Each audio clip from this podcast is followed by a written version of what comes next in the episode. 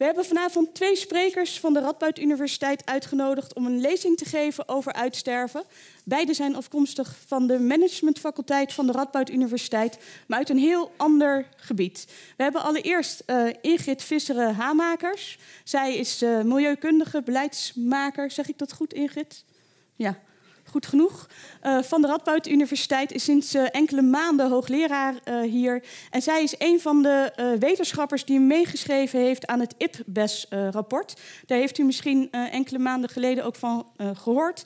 Daar is veel te doen over geweest. Um, in dat rapport werd gesteld dat door menselijk ingrijpen er soorten aan het uitsterven zijn. En zelfs dat eigenlijk de wereld voor een deel misschien wel onleefbaar wordt gemaakt door dat menselijke ingrijpen. Heftige conclusies. Uh, we horen vanavond meer uh, van haar over dat rapport. En misschien ook wel, um, kunnen we nog iets doen? Kunnen we nog op een of andere manier dit tij gaan keren? Daarna hebben we een lezing van filosoof René ten Bos, voornamelijk Denken des Vaderlands. Hij schreef onlangs dit boek, Extinctie, over uitsterven. En ook vooral over de vraag, um, is überhaupt het uitsterven van de mens denkbaar? Kunnen we, daar, kunnen we daar iets mee? Met dat idee dat misschien wel de mens zijn eigen voortbestaan aan het bedreigen is. Nou, um, denk ik dat het niet per se een heel pessimistische avond wordt, maar misschien ook wel met een positieve noten tussendoor deze avond kunnen meemaken. Um, na de lezingen van René en Ingrid zal ik kort met ze in gesprek gaan en is er nog vragen tijd voor vragen van enkele van u. Ik wens jullie een hele fijne en interessante avond. En ik geef heel graag het woord aan Ingrid.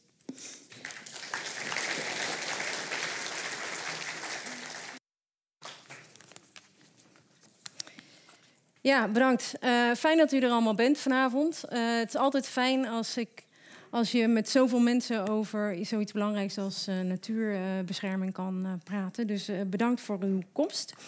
Um, ik wil mijn 20 minuten gebruiken voor, om u ervan te overtuigen dat alles anders moet.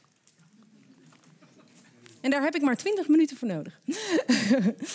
en ik heb twee brokken argumentatie daarvoor. Eén is inderdaad het IPES-rapport en de grootste conclusies uh, daaruit.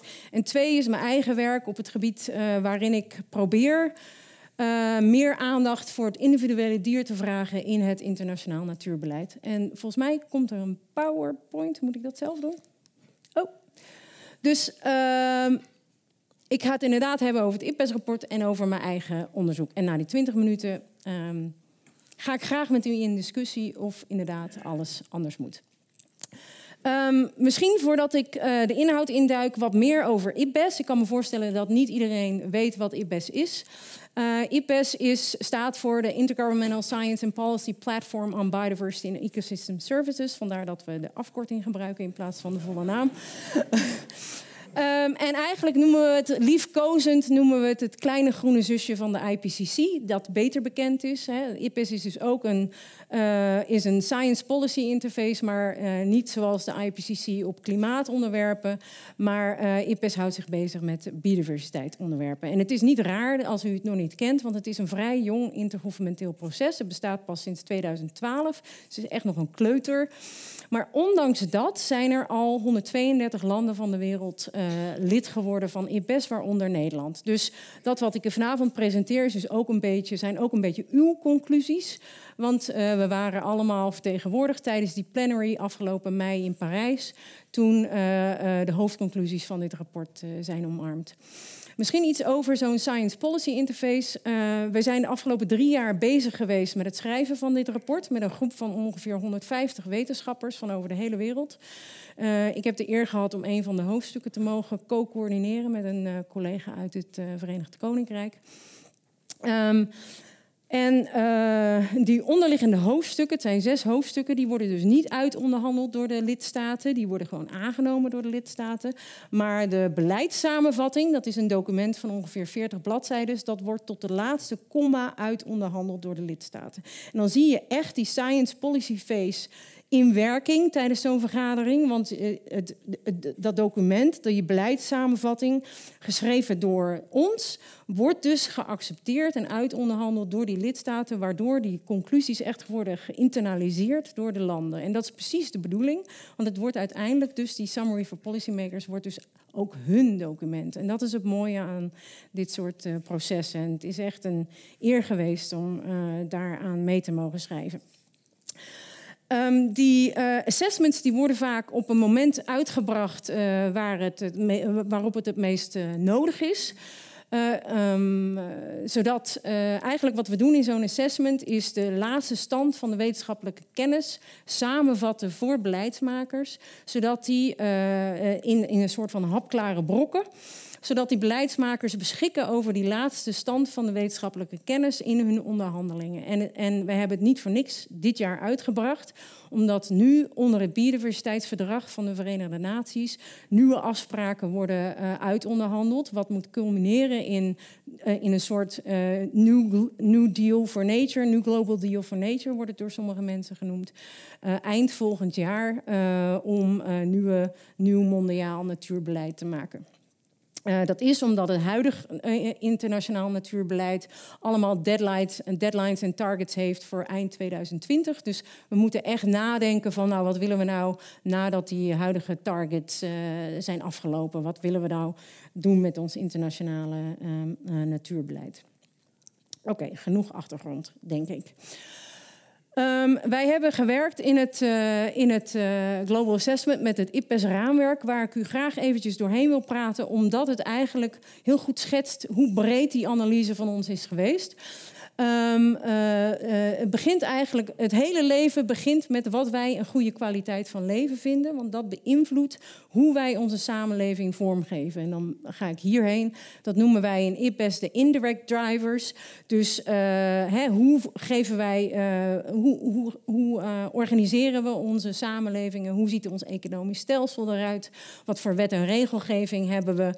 Um, wat voor technologische ontwikkeling willen we ondersteunen, et cetera, et cetera. De indirect drivers die dan weer de direct drivers beïnvloeden en dat is ontbossing, overbevissing, klimaatverandering, et cetera, et cetera. Echt dat wat er op het land en in de zee uh, aan de hand is. Die direct drivers hebben weer invloed op de staat van de natuur en ook op uh, de mate waarin de natuur diensten kan leveren voor ons als mens. En uh, daarmee dus ook weer bepaalt wat onze kwaliteit van leven is en hoe we daar naar kijken. We hebben dus in het IPES Global Assessment niet alleen, u zou verwachten, nou, dat is een rapport over hoe het is met de natuur. Maar nee, we hebben dus ook gekeken naar die drivers. We hebben echt het hele raamwerk doorgeploeterd. Uh, en de laatste stand van kennis ook uh, op die andere onderwerpen. Dus eigenlijk in de hele breedste zin in uh, mens-natuurrelaties hebben wij de laatste wetenschappelijke kennis voor die beleidsmakers samengebracht dan begrijpt u wellicht meteen dat een, uh, een, een, milieumaatschappijwetenschapper, uh, zo noem je mijn vakgebied, ook meeschrijft aan zo'n rapport. Want u kunt zich voorstellen dat als je het hebt over hoe we onze samenleving vormgeven, dat je daar sociale wetenschappers nodig hebt. En dat hier de ecologen natuurlijk de hoofdrol spelen. Dus dat hebben we allemaal gedaan. Als ik de conclusies van het rapport in een uh, één zin, in een niet-wetenschappelijke manier uh, uh, wil samenvatten, dan is het eigenlijk dat het weefsel van het leven op aarde uit elkaar aan het rafelen is. Dus het weefsel wordt kleiner, het wordt dunner, er vallen gaten in, de draadjes komen los. Want je ziet dat alle indicatoren, en ik zal u een aantal grafieken laten zien, alle indicatoren die gaan over het leven op aarde, gaan de verkeerde kant op. We zijn als mens, uh, hebben wij uh, alle soorten, het gros van alle soorten ecosystemen wereldwijd uh, beïnvloed. 75% van het land, 66% van de oceanen zijn beïnvloed en meer dan 85% van de wetlands. Dus al die ecosystemen zijn veranderd door, door ons. En dat heeft een enorme impact op soorten. Misschien herinnert u zich nog uit, uh, van de krantenkoppen afgelopen mei dat we hebben ingeschat dat ongeveer 1 miljoen soorten wereldwijd met uitsterven zijn bedreigd. En dat komt natuurlijk omdat hun habitat steeds verder worden, worden aangetast. En dat, en dat is dus meer dan ooit in de menselijke geschiedenis. Dat is niet alleen erg voor die soorten zelf, Um, maar het is ook erg voor ons, want wij zijn onderdeel van de natuur. Uh, wij hebben de natuur nodig voor schoon drinkwater, voor uh, een stabiel klimaat. Dus we schieten onszelf eigenlijk in de voet. Um, uh, ook al kijk je naar de natuur al, heel erg instrumenteel. Hè, als je niet vindt dat de natuur intrinsieke waarde heeft of als je puur instrumenteel kijkt van, nou, het is er voor de mens, dan zelfs dan zijn we dom bezig. Uh, omdat we gewoon de natuur nodig hebben voor ons eigen overleven. We hebben dus ook nagekeken eh, en u kunt al deze grafieken terugvinden in de Summary for Policymakers als u eh, er meer tijd aan wil besteden. Maar ik ga er vrij snel doorheen, gegeven de tijd. We hebben dus ook gekeken naar de trends van de afgelopen 50 jaar in, in de mate waarin de natuur ecosysteemdiensten uh, levert en wat voor soort ecosysteemdiensten de natuur levert aan ons. Dus het zijn, uh, we hebben 18 verschillende diensten gedifferentieerd. En, en u ziet dat uh, we impliciet eigenlijk hebben gekozen om de natuur te gebruiken als productiefabriek. Hè, om, om voedsel te produceren, om materialen uit te halen. Um, en dat gaat natuurlijk ten koste van de meer regulerende diensten, zoals uh, het verzorgen van schoon water, et cetera, et cetera. Dus we maken impliciete keuze voor hoe we die natuur gebruiken. En dat heeft natuurlijk uh, consequenties voor andere um, uh, diensten van de natuur. Dus we gebruiken vandaag de dag meer voedsel, energie en materialen dan ooit tevoren. En we slepen ze ook over steeds grotere afstanden over de hele wereld. Dat betekent dat dus ook die direct drivers, waar ik het net over had in het conceptuele raamwerk, uh, steeds uh, sneller gaan, uh, steeds meer impact hebben. en we zien het vorige Global Assessment, niet van IPBES, maar over de staat van biodiversiteit, dateert uit 2005. Um, ehm, dat was het Millennium Ecosystem Assessment. Um, en je ziet dat, dat ten opzichte van, van, die, uh, van die analyse van 2005 we uh, nog steeds dezelfde directe drivers uh, hebben als, als toen. Dus op land is het, even kijken, op land is het echt habitatverlies. Dus het creëren van meer landbouwgrond uh, door ontbossing. En op de zee is het nog steeds uh, het, grootste, het grootste aandeel aan direct exploitation, oftewel overbevissing. En we zijn de afgelopen uh, eh, 50 jaar dus niet in staat geweest om die, om die trends te keren. En dat komt natuurlijk omdat we niet in staat zijn geweest om te werken aan die onderliggende factoren die meer. Um, maatschappelijke factoren die, uh, die al die uh, ontbossing en overbevissing en klimaatverandering uh, veroorzaken. En ook die values, dus die waarden, die definitie van een goede kwali kwaliteit aan leven, die daar dan ook weer aan ten grondslag liggen. Door al die trends uh, zie je dus ook dat we onze huidige doelstellingen, ik had het net over de huidige doelstellingen van het biodiversiteitsverdrag, dat die heten de Aichi-targets, vernoemd naar de provincie in Japan waar ze zijn afgesproken, Aichi. Uh, die zijn afgesproken in 2010 en hadden dus een looptijd van 10 jaar. En u ziet, we hebben gekeken, nou, in welke mate zijn we op koers naar die uh, ACI-targets. We hebben nog ongeveer een jaar om eraan te werken. En u ziet heel veel rode kruisjes. En dat betekent dus ook dat we niet uh, op koers zijn om die doelstellingen te bereiken. Wat prachtige 20 doelstellingen zijn. Um, uh, maar het gros halen we dus niet. We maken een beetje vooruitgang op sommige. En het trieste nieuws is dat uh, de groene vinkjes eigenlijk een papieren werkelijkheid uh, vertegenwoordigen. Want het is allemaal plannenmakerij. Dus we kunnen wel heel goed plannen maken. En dat is echt de Achilleshiel, niet alleen van het biodiversiteitsbeleid, maar al het internationaal milieubeleid. De Achilleshiel zit echt in de uitvoering. Dus we kunnen hele mooie dingen opschrijven, maar we, we, we voeren het niet uit. Korte samenvatting. We hebben ook gekeken naar in welke mate we uh, op weg zijn om de uh, VN duurzame ontwikkelingsdoelen, de Sustainable Development Goals of de SDG's, eh, te, te, halen. daar hebben we nog wat meer de tijd voor, tot 2030. En we hebben vooral gekeken naar de doelen die de meest directe relatie hebben met biodiversiteit. En ook daar ziet u dat, dat we niet op koers zijn. We hebben nog wat meer tijd, maar niet op koers zijn om die doelen te bereiken. Dus een van de belangrijkste conclusies van uh, ons rapport is dan ook dat we iets fundamenteel verkeerds doen met ons internationaal natuurbeleid. En niet alleen ons internationaal natuurbeleid, maar ons internationaal milieubeleid in de breedste zin des woords.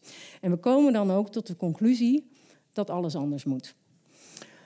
Um, uh, wij noemen dat in het rapport transformative change. En eigenlijk zeggen we, we moeten met, uh, met ons milieubeleid, met ons uh, natuurbeleid, moeten we die beschermde gebieden uit. Ja, dat moeten we blijven doen.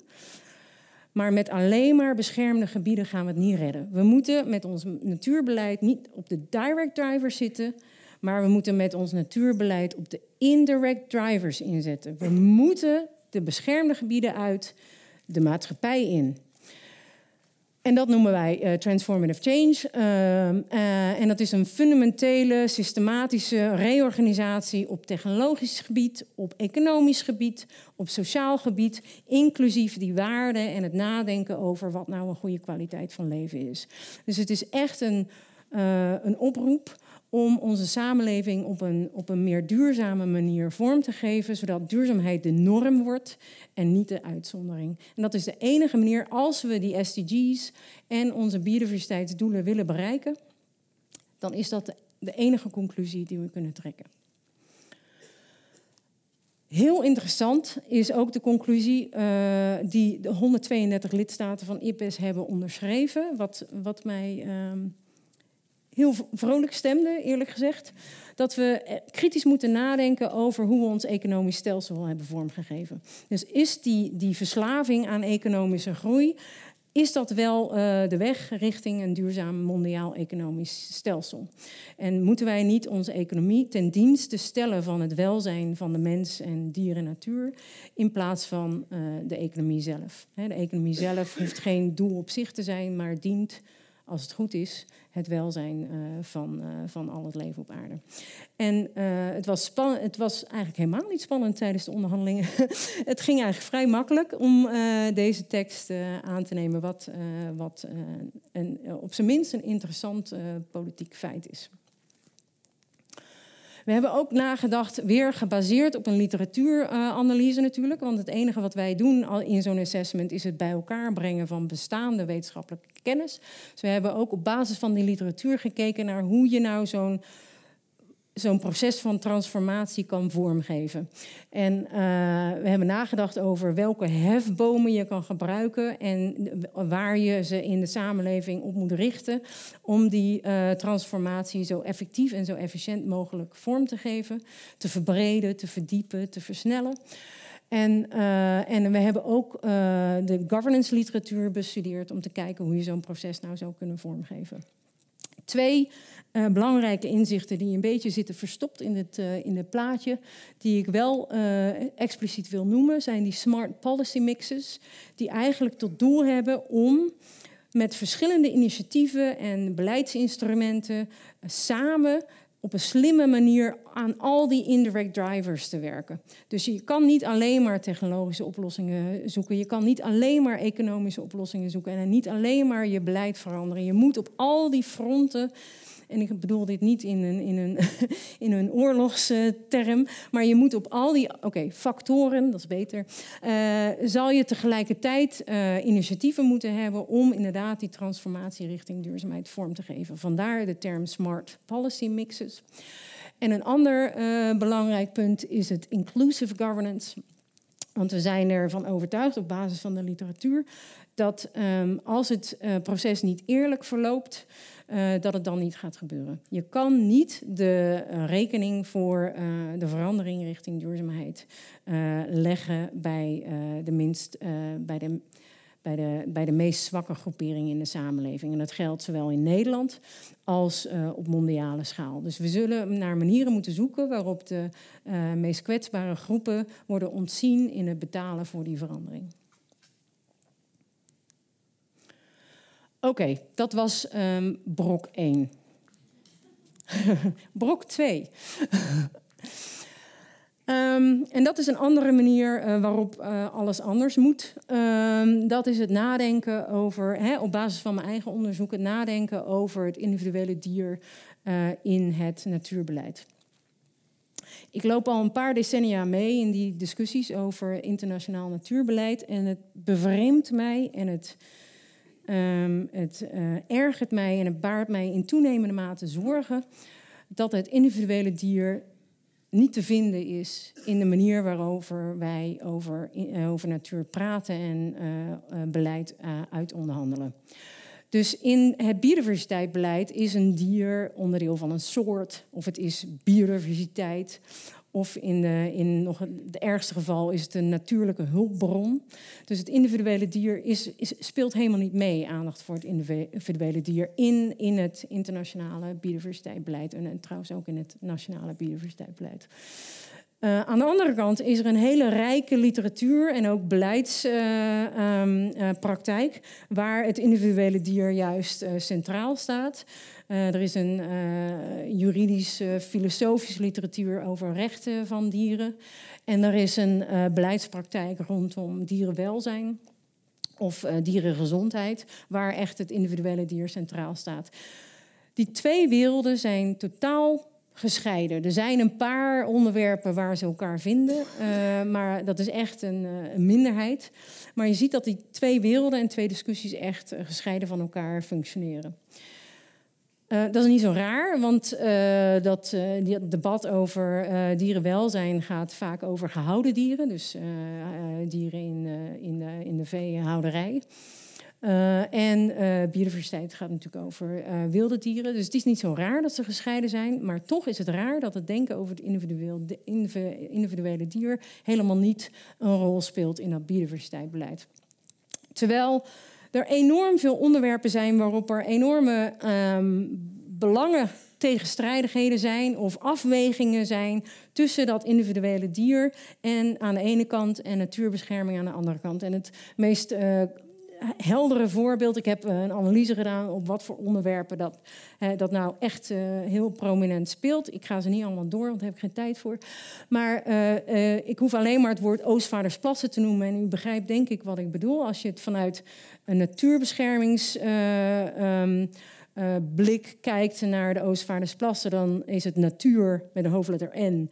En uh, moet de natuur zijn gang kunnen gaan. En zou je misschien, als er te veel uh, dieren van een bepaalde soort zijn, zou je misschien kunnen ingrijpen om, om ze niet te laten verhongeren in de winter. Dat is een natuurbeschermingsblik. Als je het kijkt vanuit een dierenwelzijnsblik of vanuit een dierenrechtenblik.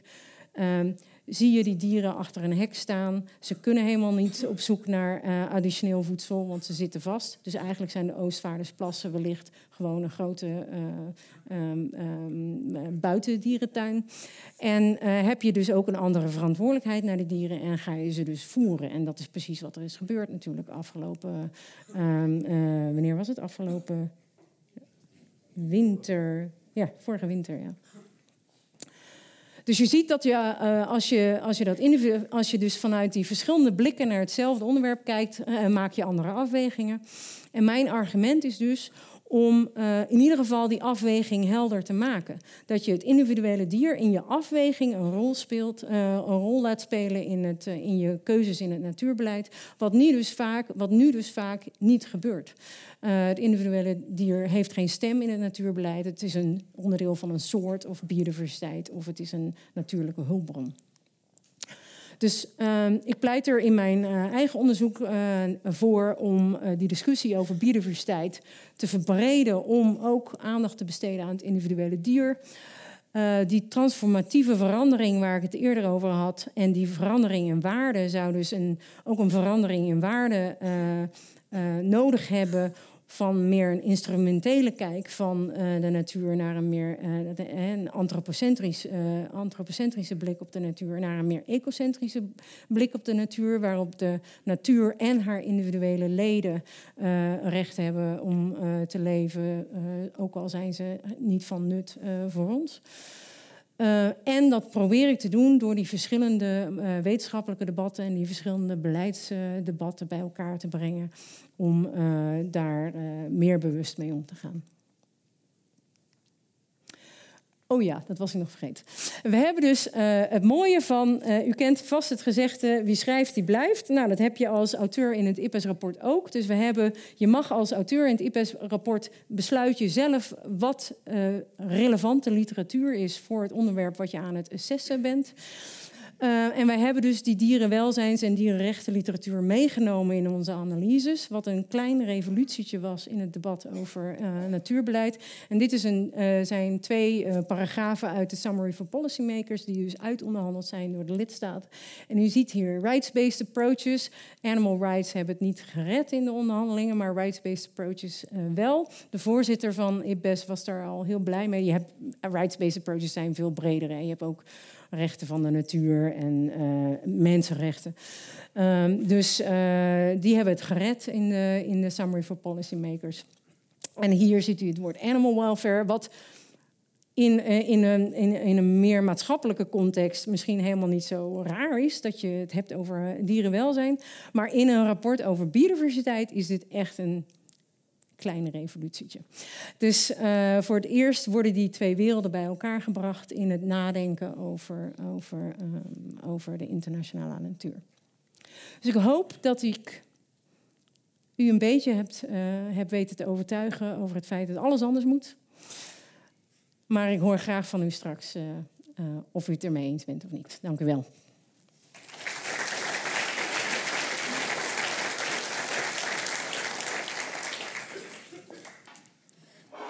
Uh, goedenavond. Uh, alles moet anders, horen we zojuist. En daar ben ik het mee eens. Dus dan weet u dat vast. Maar daar is niet iedereen mee eens.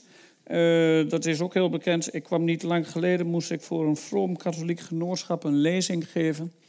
En toen vertelde ik over hoe het met extinctie ervoor stond. Hè, want dat is het thema waar we het eigenlijk over hebben vanavond.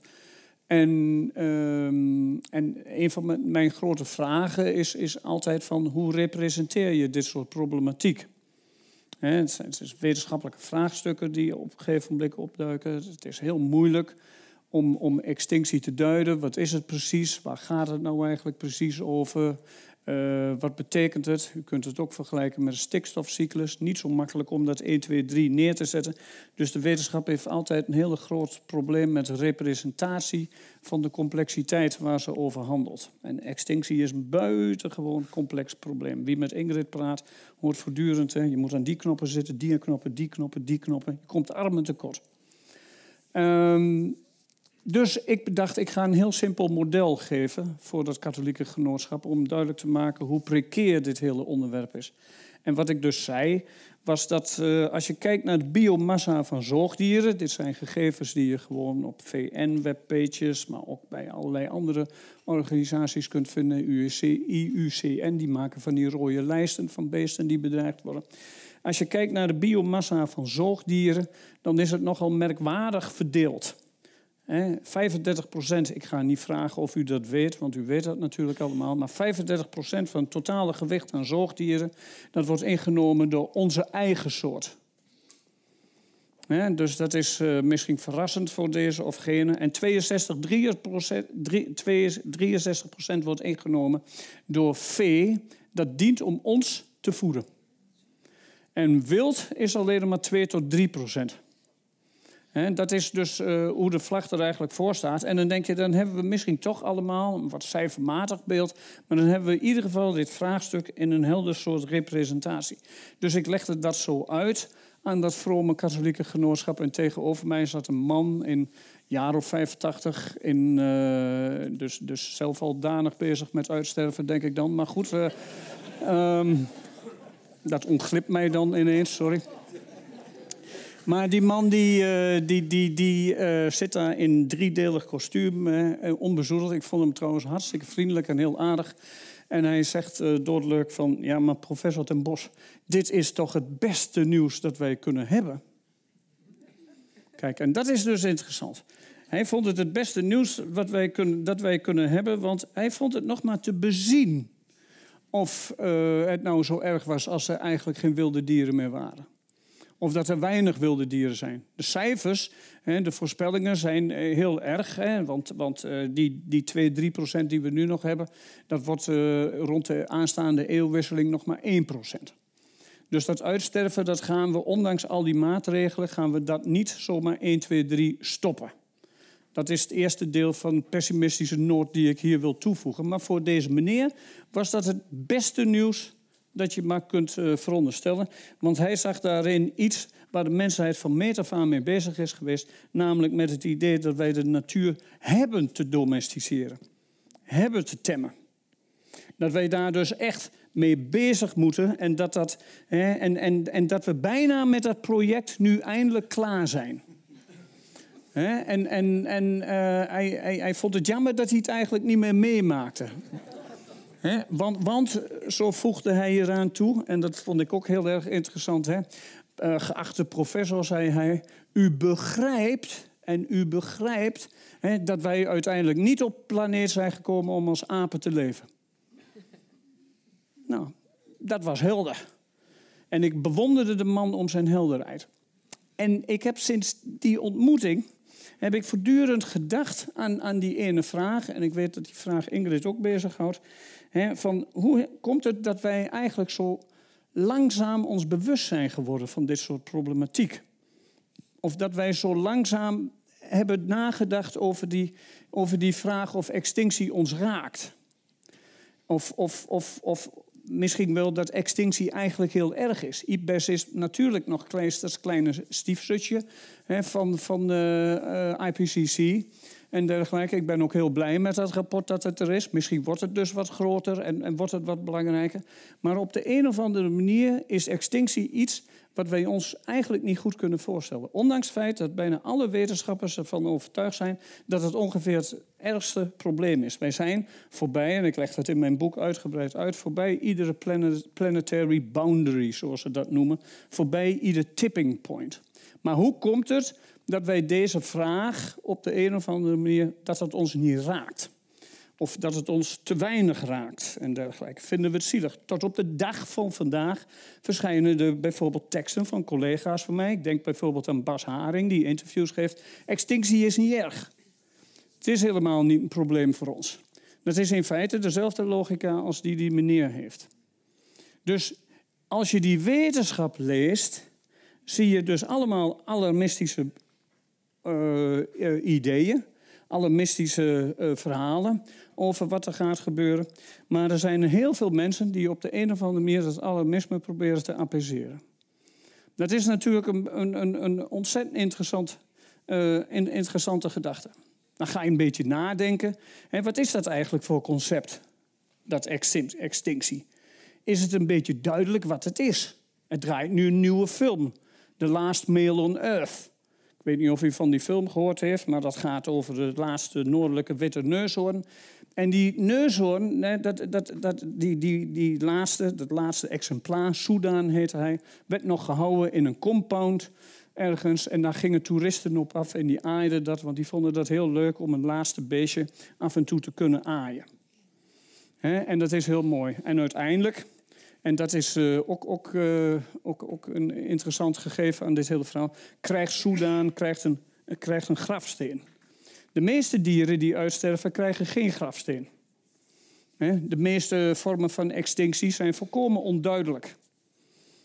Dit hele idee dat die wetenschappers allemaal naar voren brengen, is dus al, alleen al zo complex, omdat we misschien, uh, laten we zeggen, eens 10 miljoen soorten hebben beschreven. Terwijl er naar schatting, daar zijn verschillende studies over, 50 tot 80 miljoen soorten zijn. Dus heel veel extinctie onttrekt zich aan ons oog. Om het nog wat complexer te maken, extinctie wordt in die biologie, die zich daarmee bezighoudt, extinctiebiologie, nooit gezien als het uitsterven of eh, als het sterven van het laatste individu van een bepaalde soort. Maar wordt veel meer gezien, dat hoor je Ingrid net ook zeggen, als zeg maar het steeds dunner worden van bepaalde populaties in een bepaald soort gebied. Maar dat, dat dunner worden, dat is heel moeilijk zichtbaar te krijgen. Ik kom daar zo op terug maar dat is, uh, dus dit onderwerp zit met heel veel vraagtekens. Met heel veel onzekerheid, met heel veel complexiteit. En toch is niets in mij dat dit allemaal zou willen ontkennen. dat dat gebeurt. Ik denk ook dat er iets ergs aan de hand is. Hoe kun je dat nog meer representeren? Want dat is mijn filosofische vraag. Hoe representeer je wat zo moeilijk te representeren is? Je kunt bijvoorbeeld verwijzen op hele simpele fenomenologische ervaringen. Ik zie hier veel jonge mensen in de zaal zitten. En als ik bijvoorbeeld woorden gebruik als klapekste, kuifleeuwerik, ortolaan of iets dergelijks, dan zullen de ouderen hier in deze zaal nog wel weten waar ik het over heb. Maar de jongeren die weten doorgaans niet waar ik het over heb. Die denken dat ik het over een soort fantasiebeesten heb. Griffioenen of zo. Nou, dat zijn vogels die de laatste tijd verdwenen zijn uit ons landschap. Niet uitgestorven, ook weer zo'n onderwerp. Lokale extinctie in plaats van echte extinctie. Maar uh, verdwenen zijn uit Nederland. Dat is iets wat waarbij je ook kunt zien hoe moeilijk het zichtbaar te maken is, dit hele fenomeen. Ehm, als je met jonge mensen naar het platteland gaat, ga bijvoorbeeld hier naar de Ooi, hè, dan denken zij dat wat zij daar zien, dat dat heel normaal is. Terwijl wat zij daar zien eigenlijk niet zo normaal is. Je past dus je verwachtingen aan aan de hand van wat je ziet en je denkt dat wat wij nu zien, dat is natuur. Maar wat jij ziet is eigenlijk geen natuur. Of laten we zeggen, is een gedeprecieerde vorm van natuur. Is een vorm van natuur die er eigenlijk niet is. Of die eigenlijk niet is zoals die zou moeten zijn. Dat is wat preciezer uitgedrukt. Dit probleem dat men kent als het shifting baseline syndroom in de conservatietheorie, dat duidt er dus op dat intergenerationele kennis heel belangrijk is. Mijn vader, als ik met hem naar Twente ging, die zag veel meer dieren daar rondlopen als mensen nu die daarheen gaan. En ik zag veel meer dieren als mijn kinderen. En daarop pas jij constant je, eh, je, je, je, je, je, je verwachtingspatroon aan. En dan ben je al blij als je iets ziet. Ik stond laatst eens een keer college te geven en studenten weten niet meer wat het woordje bunzing is. Wat interessant is, maar wat ook iets aangeeft over de tragiek van datgene wat er gebeurt dus dat zichtbaar maken van een probleem dat heel moeilijk zichtbaar, of, uh, zichtbaar te maken is, dat is dus in feite de grote uitdaging waarvoor ze allemaal staan. Nog een manier om dat te doen, dat is wat die meneer die insecto, insectenman in Wageningen gedaan heeft, die, die ooit met dat beeld kwam. En dat was mij ook al opgevallen. Als je bijvoorbeeld zomerdag, zomer in, of op een avond in de zomer in de auto rijdt, en zo had je vroeger dus gewoon een bloedbad van insecten op je voorruit. Iedereen weet dat dat vandaar, ik zie de ouderen knikken, hè, die, die, die, die herkennen dat, dat is niet meer zo. En, dat is, en daar zie je aan dat er dus een verdunning, een verschraling is. En dat is de eigenlijke extinctie. En die is dus heel moeilijk, heel moeilijk zichtbaar te maken. Nou, is dit erg?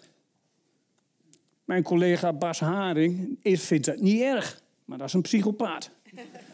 En, en, en um, ik wil wel uitleggen wat ik daarmee bedoel. Want, eh, ja, maar goed, dat ga ik niet doen. Ik stel dat hier gewoon. En, en um, dus, dus dat, dat is even belangrijk. Waarom is het niet erg? Nou goed, Ingrid horen we net ook al. Hè. Laten we nou eens gewoon alleen maar vanuit nutscalculatorische overwegingen, antropocentrische overwegingen gaan. Ik ben het allemaal met haar eens over het feit dat je ook respect moet hebben voor dieren. Als je dat niet hebt, dan, ja, dan houdt de hele discussie op. dat begrijp ik allemaal. Maar laten we even gewoon in die antropocentrische uh, uh, gedachtenwereld uh, zitten. En dan ga je op een gegeven moment toch ook denken wat dat vroeg of laat voor ons gaat betekenen. En wat je dan ook ziet, en dat is ook een zorg die al die wetenschappers hebben. Die zorg die heeft heel sterk te maken met hoe maak je dit probleem zichtbaar. Uiteindelijk proberen ze ook duidelijk te maken dat dit vroeg of laat ons gaat raken. En dat wij vroeg of laat ook mogelijkerwijs het loodje gaan leggen als gevolg van die scheuren die wij aanbrengen in, de weefsel, in het weefsel van het leven. die metafoor horen we net en die kom je dan steeds tegen. Dus dan wordt het verhaal echt heel somber. Niet voor iedereen trouwens. Sommige mensen denken dat het heel goed is als we uitsterven. je hebt zoiets in Amerika als de Voluntary Human Extinction Movement.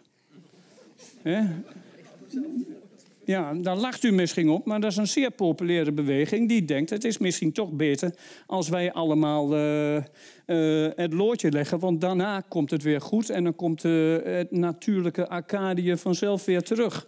Dat is een beetje de hele gedachte die daar bestaat. Overigens vind ik, even voor de helderheid, het Voluntary Human Extinction Movement niet zo'n politiek levensvatbare optie. Aan de andere kant, het is populair. Men is ermee bezig. Als je goed kijkt, zie je hoe gefascineerd wij zijn door onze eigen extinctie.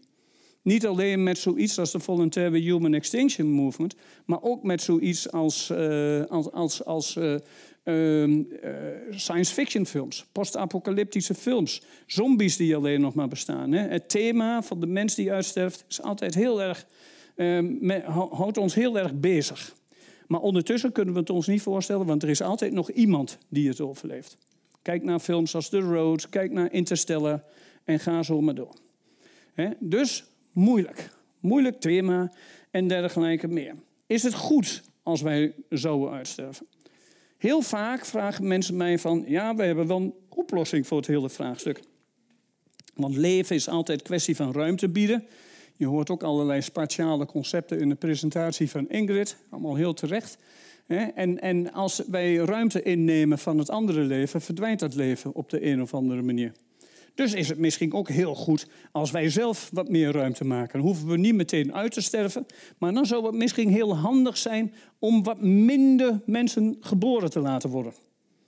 Dan gaan we een geboortebeperking doen. In die discussie zie je dat Thomas Malthus, de grote uh, demograaf uit het begin van de 19e eeuw, ook uh, volstrekt uh, weer op de agenda staat. Hè? Minder. Antinatalisme, dames en heren, is het woord. Antinatalisme, dat betekent het is niet langer onschuldig om nog kinderen in de wereld te zetten. Kom je tegen. Je verschijnen boeken met titels als Better Not to Have Been Born. Lees de Zuid-Afrikaanse filosoof David Benatar, die dat boek overigens opdraagt aan zijn ouders. um, hè, dus dat is. Um, het is allemaal nogal paradoxaal, zoals u uh, hier ziet. Um, ik denk zelf dat uh, die antinatalistische beweging, die dus ook in die Voluntary Human Extinction Movement zit, dat het allemaal toch ook bewegingen zijn die ook leiden aan dat probleem dat je eigenlijk die hele menselijke extinctie niet zichtbaar kunt maken. En um, misschien is het daarom ook goed om toch even een filosoof erbij te halen met wie ik mijn boek over dit onderwerp begin. En dat is Immanuel Kant. Immanuel Kant die schrijft in het jaar 1794 schrijft hij een boek dat heet Das Ende alle Dingen. Kant probeert zich voor te stellen wat dat zou betekenen, Das Ende alle Dingen. De grote verlichtingsfilosoof, even kijken, het is niet zomaar een marginale persoon. Dit is iemand die dit na zijn kritieken allemaal beschrijft. Ik wil even duidelijk maken dat dit een belangrijke figuur is. Geen David Benatar of geen Voluntary Extinction Movement. En hij probeert zich zo voor te stellen wat dat zou betekenen, dat is ende alle dingen. En hij komt eigenlijk tot de conclusie dat het verstand dat einde wel kan beredeneren. Het is uiteindelijk een concept dat opkomt. Een idee dat als het ware in je hoofd gaat rondsproken. Maar dat je er verder eigenlijk helemaal niks mee kunt. En waarom kun je er helemaal niks mee? Omdat het iets subliems is. En het sublieme in het werk van Kant is altijd, het werk, is altijd datgene wat je niet kunt theoretiseren.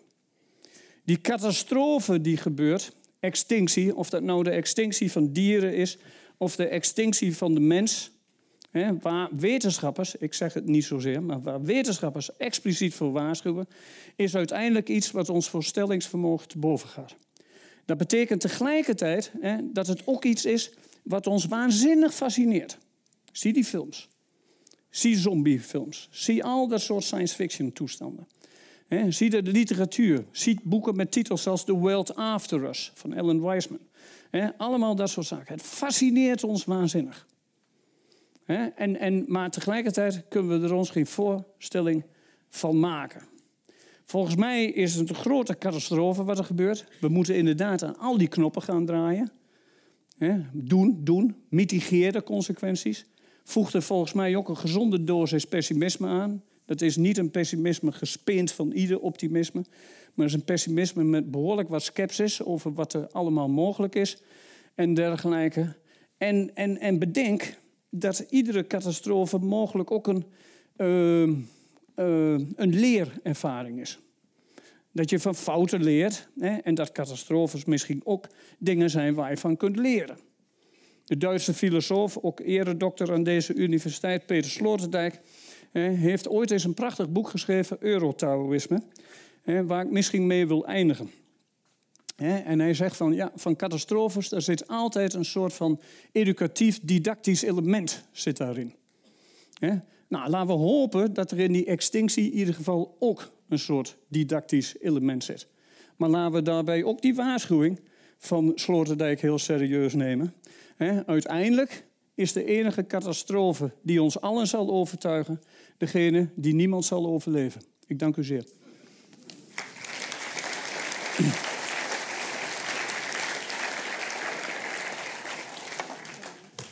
Je mag gaan uh, zitten, René. En uh, Ingrid ook. Ik ga zo uh, naast jullie zitten, maar ik wil eigenlijk eerst even um, nou, iets vragen aan jullie allemaal, aan het publiek. gewoon met hand opsteken. Um, wie van jullie vindt het erg als er diersoorten uitsterven? Diersoorten? Als er een diersoort uitsterft. Een. Een diersoort. Ik formuleer het goed. Wie vindt het erg als er een diersoort uitsterft? Oké. Dan, um, wie vindt het erg als de witte neushoorn uitsterft? En wie vindt het erg als de malaria-mug uitsterft? Het zijn toch, zijn toch net wat minder uh, mensen. En um, dat is toch wat mij, als we het over uh, het uitsterven van, uh, van planten, van dieren, misschien van de mens, als we het daarover hebben, waar ik toch heel de tijd aan moet denken. Ik denk, ja, is heel leuk. Ja, ik vind ook de panda uh, een bijzonder van afstand knuffelbaar dier.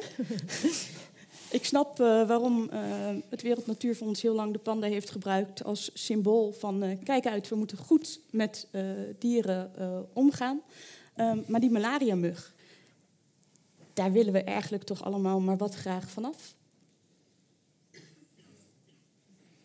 Ligt eraan vanuit welk perspectief je dat bekijkt. Als je het vanuit een instrumenteel perspectief bekijkt, dan zou je zeggen, nou, weg met dat ding of met dat beest. Uh, als je het vanuit een. Uh, hoort u me? Daar ga ik niet over, over de geluidsvolume. Nee, maar ja? kan het wat harder? hoort het nu. Dus um, ik is denk dit beter? als het mogelijk is, dan doet hij dat. Dan de articulatie. Oh, ik ga mijn best doen. Dus als je het vanuit een instrumenteel perspectief bekijkt, uh, weg met dat beest. Als je het vanuit een, uh, een meer een uh, intrinsieke waarde perspectief bekijkt, dan heeft die mug recht op bestaan. En is dat, dat, dat recht op bestaan, is dat waar het om moet gaan als we, een, als we spreken over een discussie hebben over uitsterven van soorten? Ik denk dat we echt, uh, en dat heb ik ook geprobeerd in mijn presentatie uh, helder te krijgen, is dat we echt een discussie moeten hebben op basis van uh, over dit soort waarden.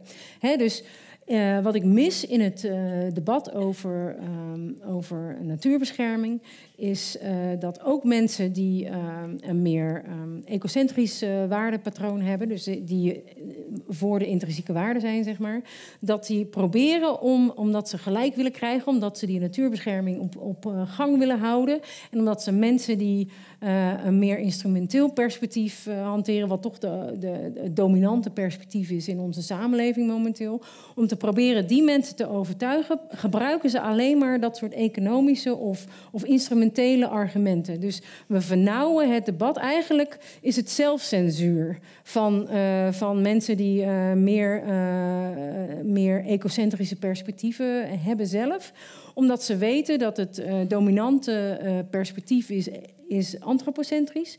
En dus denken ze dat ze meer overtuigingskracht hebben als ze maar erop uh, blijven drammen dat extinctie of uitsterven of dat de natuur in dienst staat van de mens of dat wij niet zonder de natuur kunnen. Terwijl dat vernauwt het debat en dat maakt dus waardeverandering, die volgens ons rapport dus noodzakelijk is om die transformatie naar een duurzame samenleving uh, door te maken.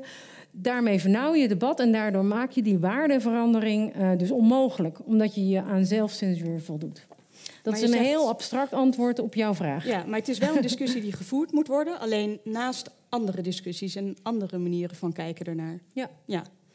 René, mag van jou de malaria-mug uh, blijven bestaan? Ja, kijk, kijk ik, ik heb het niet zoveel hier aan toe te voegen. Eh, dat hangt er namelijk vanaf welk perspectief je hebt. ik, ik, ik, was laatst op vakantie in Canada en dan werd ik gestoken door blackflies en ik heb beest verketterd. Uh, pas geleden is, is, uh, uh, hoe heet het, is de Yersinia pestis uitgestorven. Dat is, de, dat is de bacterie die destijds de oorzaak was van de, de pestepidemie in, in de middeleeuwen. En die is ongeveer, ja, vorig jaar is die uitgestorven. Yersin, de eerste grote Zwitserse bacterioloog in de 19e eeuw, die ontdekte dat. En niemand heeft er een traantje om gepinkt. Dat is, eh, dat is natuurlijk buitengewoon interessant. Dus, maar kijk, als je een ecologisch perspectief hebt en je gaat uit van het weefsel van het leven, dan moet je zeggen, die malaria-mug of die bacterie, die heeft misschien toch een bepaalde rol te spelen. En ik begrijp het argument van Ingrid heel goed, want, want eh, vaak wordt gezegd, ja, die witte neushoorn, die noordelijke witte neushoorn, ook nog een ondersoort, niet eens een echte soort, die kan rustig uitsterven die kan eigenlijk heel rustig uitsterven, want het was toch een beetje mislukt. Zoals de panda natuurlijk ook gewoon een wit mislukte bamboebeer is. En, en, en, en, en, dus die argumenten die hoor je. Maar ja, dan heb je ook al die argumenten die, die bij uh, in animal rights perspectief zitten. Al die deontologische argumenten. Je moet respect hebben voor dieren zoals je ook respect hebt voor mensen. Dus je kunt er heel verschillend uh, naar kijken. En als ik kijk naar mijzelf, als je mijn persoonlijke mening erover wilt weten, dan ik, ik, ik, ik fladder altijd heen en weer tussen verschillende perspectieven. En, en uh, ik, ik, heb, ik moet het eerlijk toegeven, ik heb met een malaria-mug, of ik bespreek in mijn boek uitgebreid uh, uh, een, een vreselijk ondier, die, die heet de schroefwormvlieg. Dat is echt geen leuk beest, die schroefworm. Als u een wondje heeft aan uw hoofd en u woont toevallig in het Amazonegebied, dan vliegt hij daar binnen en dan boort hij zijn gat nog dieper in de wond en dan legt hij maden en die maden vreten uw hersenen van binnen weg. Dus waar we ook vanaf moeten is de gedachte dat de natuur alleen maar iets moois is. En, en uh, ja, ja nou, en, maar goed, dus daar denk ik, maar ja, beest is er wel. En het feit dat het er is, eh, geeft het misschien ook een soort van uh, recht in de juridische zin, wil ik niet noemen, maar ik zou je kunnen zeggen, ja, kunnen toch ergens legitimeren dat hij er is. En, en uh, dus ik fladder heel erg heen en weer in mijn argumentatie. Daar ben ik ook niet consistent is, in. Maar uh, de extinctie van een enkele soort wordt in het algemeen, dat is misschien wel belangrijk om even te zeggen, wordt dat door wetenschappers niet erg gevonden. Dat af en toe een soort verdwijnt is niet erg. Maar de snelheid waarmee dat op dit moment gebeurt, uh, is heel erg. Men spreekt er dan over dat, dat het op dit moment discussies zijn verschillend, maar Elizabeth Colbert, een van de bekendste auteurs op dit terrein, die zegt dat het ongeveer 450 keer zo hard gaat als normale background extinction. Nou, de meeste mensen in de zaal hebben vermoedelijk nooit van background extinction gegaan. Nou, wat betekent het normale background extinction? Eén keer in de 600 jaar zou dus een keer een zoogdier uit moeten sterven. Ik geloof één keer in de 400 jaar, ik zeg het allemaal uit mijn hoofd, een keer een amfibie. Nou, nu gaat het dus 400 keer, andere rapporten die ik lees, duizend keer, gaat het zo snel. Nou, dat, dat is het grote probleem. Dus niet zozeer die individuele soort, maar dan heb je het ecologische perspectief. En dat is echt niet het enige perspectief dat je hoeft te, te gebruiken hier. En als we het hebben inderdaad over die uh, achtergrondextinctie uh, en de extinctie die nu uh, gaande is door, door menselijk handelen, dan hebben mensen heel snel de neiging om te zeggen dat die extinctie, achtergrondextinctie, die is natuurlijk. Dat hoort bij de natuur. In jouw uh, presentatie zag ik het, het, het woord evenwicht. Uh, de natuur moet in balans zijn en de mens moet ook in balans zijn met die uh, natuur. Maar ik denk dan ook, ja, maar de mens is ook gewoon natuur. En moeten we niet af van dat hele onderscheid in dat denken, ook als het over dit thema uitsterven gaat, tussen een, een, ware natuur die we hebben, of een natuur die nog in balans is, en de natuur die niet in balans is, of de mens die eigenlijk niet meer natuurlijk bezig is? Uh, ja en nee. Uh, we, we, worden saai volgens mij. Het ligt er maar net aan uh, welk perspectief je hanteert. Hebba. ja. Maar um, ja en nee. Um, ik vraag me oprecht af, en daar wordt ook onderzoek naar gedaan, of de echte natuur nog wel bestaat. Ik bedoel, het woord antropoceen is niet voor niks uh, uitgezocht. Er zijn wetenschappers nu bezig om echt te bewijzen dat wij in een nieuw geologisch tijdperk leven. Ze zijn wetenschappelijk aan het bewijzen dat, dat we uh, in het antropoceen uh, leven. Dus er wordt over vergaderd of we wel niet in een nieuw geologisch tijdperk terecht zijn gekomen. Waarin de mens. echt op alle plekken op aarde um, invloed heeft op de natuur. Of nou ja, of ik gebruik nog even mensen natuur voor het mhm. gemak van het gesprek. Uh, dus de vraag is of die natuur met een hoofdletter N uh, echt nog uh, bestaat. Of dat we daar al aan voorbij zijn. Dat is, een, dat is een wetenschappelijke vraag, ook een filosofische vraag, denk ik. en is ook een gedeelte van het antwoord op jouw vraag: moeten we niet weg van die, van die, van die, van, van dat, van die scheiding tussen mens en natuur? Maar zou het iets veranderen als we die scheiding weglaten in ons denken over uitsterven? dat weet ik niet. Nou, de, de, de, de, achter, de, achtergrond van deze vraag is natuurlijk dat uh, we hebben vijf grote extincties op deze planeet gehad. De vorige die hadden allemaal natuurlijke of kosmologische oorzaken. Denk aan de meteoriet die ervoor zorgt dat die dinosaurussen weggaan, waar overigens ook een heel debat over is. Uh, of dat echt een meteoriet was en of het zo is, noem maar op. Misschien was het een komeet, ga zo maar door. Um, ja, nee, ja, ik geef slechts weer wat de wetenschappers daarover zeggen. Ik wil ook wel titels geven en weet ik veel wat. Maar um, de, de, um, kijk, kijk, sorry, dan ben ik even kwijt. Um, maar ze moesten lachen, dat leidt af. Ja, dat leidt af inderdaad. Uh, of het denken, het onderscheid tussen natuur, uh, wat natuurlijk oh, is en niet natuurlijk is. Of dat, ja, en die zesde massa-extinctie die we nu meemaken, die is dan antropogeen, zoals dat heet. Die mm -hmm. wordt door mensen veroorzaakt. En daarmee wordt deze massa-extinctie ook een morele kwestie. Dat is in feite gewoon de. Eh, want zodra mensen het zijn die het doen, dan, dan reken je ook dat de mensen verantwoordelijk zijn. Nou, hier heb je in principe uh, twee kampen in die hele discussie. De een die zegt: kijk, je moet eigenlijk van het natuurbegrip af. Want natuur is in het Westen gewoon helemaal verkeerd gedacht. Natuur is datgene wat daar buiten is. Dat kunnen we manipuleren, daar kunnen we alles mee doen, dat kunnen we ons toe-eigenen is trouwens een belangrijk thema in mijn boek. En, en, en uh, de andere groep die zegt, nee, meer de Marxisten, je moet juist aan die natuur vasthouden. Want als je aan het begrip natuur niet vasthoudt, hè, dan, waar zou je dan nog voor vechten? Als alles alleen maar connectiviteit is, als alles alleen maar verbonden is met elkaar. Nou, daarbinnen heb je ook weer partijen. De een die zegt, nee, wij kunnen die natuur, die kunnen, moeten we vasthouden, maar daar kunnen we die natuur kunnen we manipuleren, daar kunnen we dingen mee doen. Geoconstructivisme heet dat. Mensen die van geoengineering houden. De anderen die zeggen, nee, die natuur is er, maar daar kun je helemaal niks mee doen. Kun je de baas niet van zijn, nou, enzovoorts, enzovoorts. Je hebt allemaal kampen in dat, in, in dat hele debat.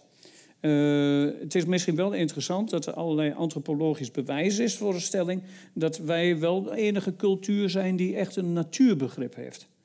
De Franse filosoof uh, Philippe Descola heeft dat mooi uiteengezet in een begrip de la, in zijn boek Au-delà de la natuur, dus voorbij de natuur, waarin hij eigenlijk laat zien dat, dat vanuit het oud-Griekse begrip van physes, hè, dus de, hun begrip voor de natuur, dat wat zich opent letterlijk, hè, dat wat bloeit en dergelijke, dat, dat wij ongeveer de enige cultuur zijn die een dergelijk begrip heeft gehad hij, biedt verschillende uit, uh, verklaringen daarvoor. Bijvoorbeeld dat, dat andere mensen altijd veel dichter bij die natuur zijn mhm. gebleven. En daardoor geen behoefte hebben gehad om dat onderscheid te maken. Dat bij ons de distantie misschien te groot is geworden. Enzovoorts, enzovoorts. Nou, dat, dan, ik voer dan te lang het woord, maar daar, daar kun je ook weer een heel college over geven, over dit thema. Twee uh, toevoegingen. Het belangrijkste wellicht is, uh, is um, is, er, is er nog wel zoiets als, als de natuur? En je ziet dat ons natuurbeleid steeds invasiever wordt. omdat de natuur steeds verder onder druk staat, zie je dat, niet alleen door, uh, tegen, door het kleiner worden van die, van die ecosystemen, van die habitats, maar ook door klimaatverandering. Hè. Als je als olifant in een beschermd gebied woont en het klimaat verandert en rond, rondom dat beschermde gebied wonen allemaal mensen, kan je niet verhuizen naar het volgende beschermde gebied met een ander klimaat waar je, waar, waar je misschien wel uh, nog kan voortleven. Dus, dus, um, dus we, we zijn steeds meer proactiever bezig met ons natuurbeleid. Mm. Vroeger was ons natuurbeleid gewoon achterover. Hè, je, je zet er letterlijk een, een hek omheen of niet. Maar je zegt van nou, dit is een beschermd gebied. En je zegt van nou, jongens, veel plezier, uh, uh, jullie zijn beschermd. Terwijl uh, we tegenwoordig dus stil, veel actiever aan natuurbescherming moeten doen door die, uh, door die uh, enorme druk op die natuurgebieden. Dus we zijn enorm bezig met, en dan moet ik iets Engels naar Nederlands vertalen, breeding and reintroduction programs. Mm -hmm. Dus mhm. het, het fokken en het reintroduceren, nou dat gaat vrij aardig, van, van bedreigde diersoorten. Wat een, echt een massamoord is. Want we, we, we, we, de wetenschap van het fokken en reintroduceren is een, is, een, uh, is een nieuwe wetenschap met heel veel mislukkingen. Dat betekent met heel veel dode dieren. We weten helemaal niet hoe we dieren moeten fokken en dan moeten reintroduceren. We weten ook heel slecht wat onze succespercentages uh, zijn, omdat monitoren heel erg duur is. Is ook heel erg lastig als je een heel klein kikkertje wil reintroduceren. Het wordt wel gedaan dat er een heel piepklein bandje om hun middeltjes wordt gedaan om te kijken hoe lang ze overleven. Dat is echt gewoon, dit is, dit is biologie. Uh, om maar te kijken... reintroduceren betekent dat je eigenlijk een soort die niet meer voorkomt in de natuur. Ja, of die uh, bedreigd is. Ja, die ga je, ja, die ga je in, in, in, in, uh, in dierentuinen of in, uh, in wetenschappelijke uh, organisaties ga je ze fokken en weer reintroduceren. En uh, als we het monitoren, zijn de, uh, is het succespercentage schrikbarend. Mm -hmm. um, en, maar maar we, nou ja, in, in naam van de natuurbescherming moeten we dus steeds meer dat soort proactieve natuurbescherming mm -hmm. gaan toepassen. Willen we het uitsterven voorkomen. Dus je ziet dat, dat, dat de vraag bestaat de natuur nog? Hè? Is die kikker die dan daar uiteindelijk overleeft, uh, is dat dan natuur? Ja, dat is een enorme vraag. Ja. Zeer interessante kwestie natuurlijk, die reintroducties. Je, je kunt natuurlijk soorten die nog bestaan, maar niet meer veel voorkomen. Maar in dierentuinen kun je reintroduceren. Mm -hmm. Je hebt ook de zogenaamde phoenix-extinctie. of en dat is eigenlijk een soort van de-extinctie. Beesten die uitgestorven zijn, kun je weer terugklonen. Ja die beesten die ik op mijn arm heb, die, ja. uh, die Tasmaanse is een case in point. Die probeert men terug te brengen, net als de wolharige mammoet en dergelijke meer. Maar dat is een hele discussie en hier ben ik helemaal met Ingrid eens. Is het nou leuk voor een wolharige mammoet om weer op dat Siberische eiland Prangel rond te lopen, waar inmiddels 20 graden warmer is als 3000 jaar geleden? Ja. Of uh, dit soort vragen krijg je dan. En dat is niet leuk. Of een stelletje jichtige Tasmaanse buidelwolven in, uh, in, in, in de regenwouden van uh, Tasmanië, waar het klimaat, klimaat inmiddels ook wel wat anders is. Dus dat, dat, dat roept allerlei vragen op. Er gebeuren de gekste dingen. Er gaat heel veel geld naartoe, naar die ja, introductie. Maar ze spreken mensen tot de verbeelding. He, dus men sponsort het. Ik kan krankzinnigste verhalen vertellen over whooping cranes en weet ik veel, onyx en, en noem maar op. Maar het, het, Poetin is heel enthousiast over die uh, mammoet. En dat, als hij ergens enthousiast over is, zou dat te denken moeten geven. en uh, nou ja, enzovoort.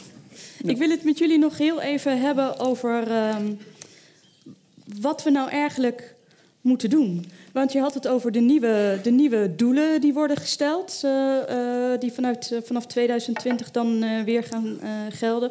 Over dat de eerdere doelen op geen enkele manier zijn gehaald. genezen in de buurt. We hebben het gewoon slecht gedaan, vette onvoldoende. Um, jij zegt, nou ja, wat er moet gebeuren is dat er op heel veel verschillende gebieden tegelijk dingen moeten veranderen. Maar hoe gaan we nou garanderen dat de nieuwe doelen die we gaan maken, dat we die wel gaan halen? Ja, dat kunnen we niet garanderen natuurlijk. Dat is uh, evident. Um, um, twee uh, antwoorden. Eén is um, dat, ik, dat als je om je heen kijkt, heel veel verandering al ziet. Dus je ziet mensen die meer lokaal hun voedsel kopen hè, met, van lokale boeren in de buurt. Je ziet mensen minder vlees eten. Je ziet een discussie over hoeveel we mogen vliegen of niet. Dus je ziet Um, en uh, wat ook uh, hoopvol is, is dat ik het dus mag hebben, of dat, dat 132 landen van de wereld het uh, woord transformative change hebben geaccepteerd. Dus er is niet alleen ehm, activiteiten van u en ik zijn aan het veranderen, we zijn ons leven toch al aan het aanpassen. Uh, maar je ziet ook dat het debat verandert. Dus we hebben het over die maatschappelijke oorzaken, die onderliggende oorzaken van, uh, van extinctie. Uh, wat in de jaren negentig onmogelijk was. Maar jij zei zelf, we weten, we maken hele mooie plannen, maar waar het misgaat is bij die stap naar het doen. Ja, dat is mijn tweede antwoord. Is, dus je ziet al heel veel veranderen en het debat verandert. Um, uh, en het, is, uh, het klinkt natuurlijk heel erg moeilijk, transformative change en alles moet anders. En, uh, maar we kunnen vanavond enorme stappen maken door gewoon het beleid wat we al hebben. Want het beleid, die ACI-targets die ik liet zien, dat is, zijn echt fantastische targets. Er staan ook al die onderliggende factoren en zo, zijn er allemaal in opgenomen. Dus als we ons beleid uitvoeren, komen we al een eind. En, uh, en uh, de vraag is, hoe krijg je...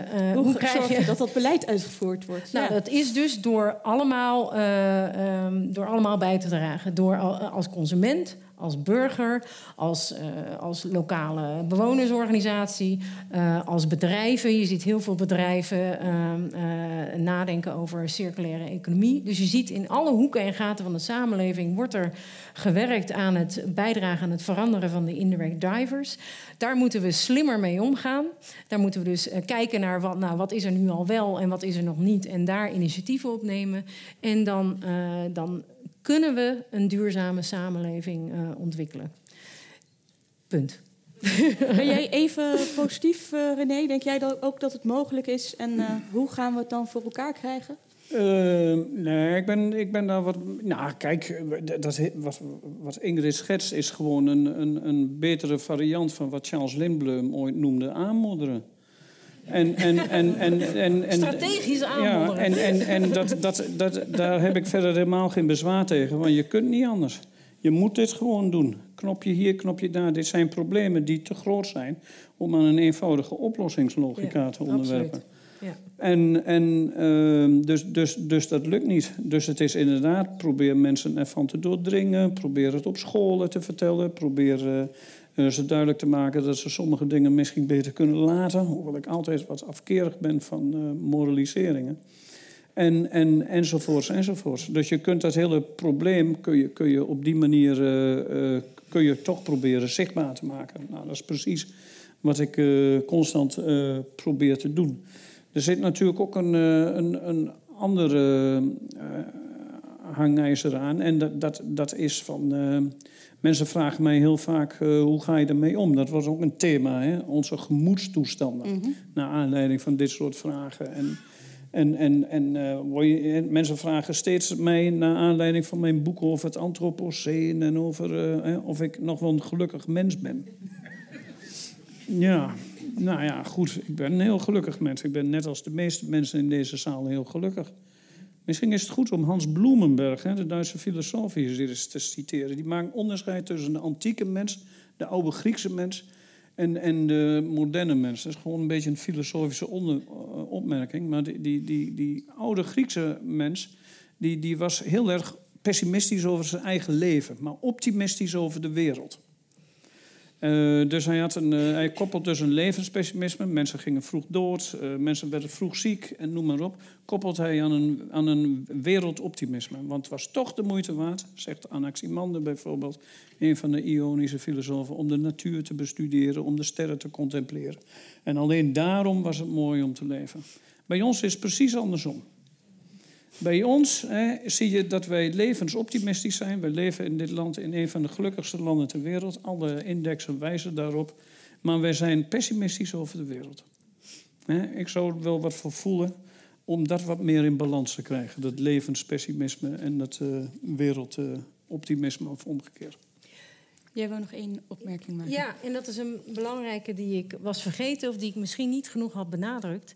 En dat is dat uh, uh, als we uh, in staat zijn om een duurzame samenleving uh, vorm te geven, um, ligt dus het gros van de verantwoordelijkheid niet meer bij ons als individu of als consument of als burger, maar is de, is de samenleving zo ingericht dat, dat wij uh, niet meer half uur um, etiketten moeten lezen in de supermarkt, want er is keuze tussen duurzaam en duurzaam. Hè, als je in, een duurzame samenleving. Dus um, uh, we leggen op dit moment in ons milieubeleid te veel de verantwoordelijkheid bij het individu. Uh, daar kom je een eind mee, maar daar red je het niet mee.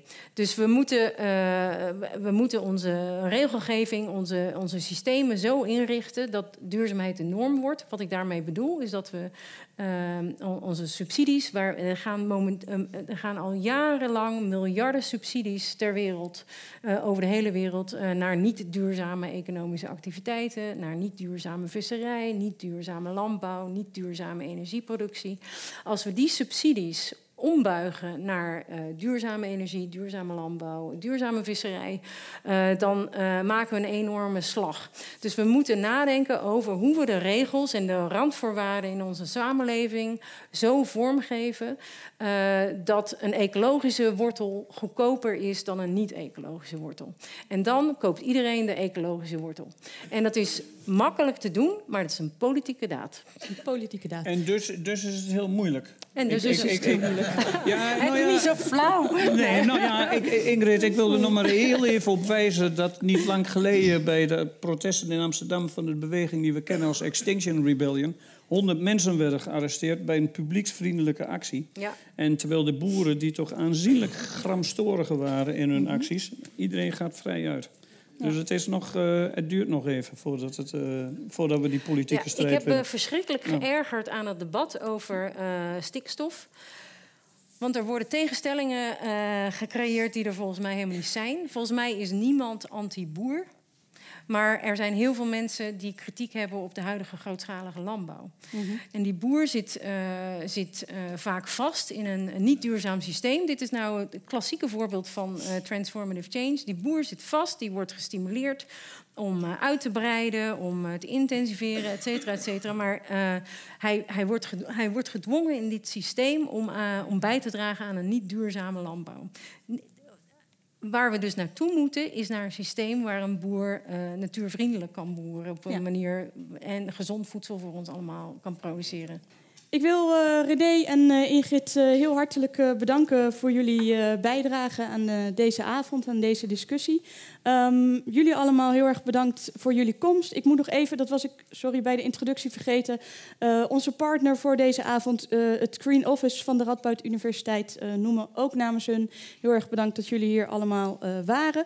Het boek van René, Extinctie, is voor wie geïnteresseerd is te koop in de hal. Ik hoop dat jullie een interessante avond hebben gehad en ik zie jullie graag bij een volgende activiteit van Radboud Reflects.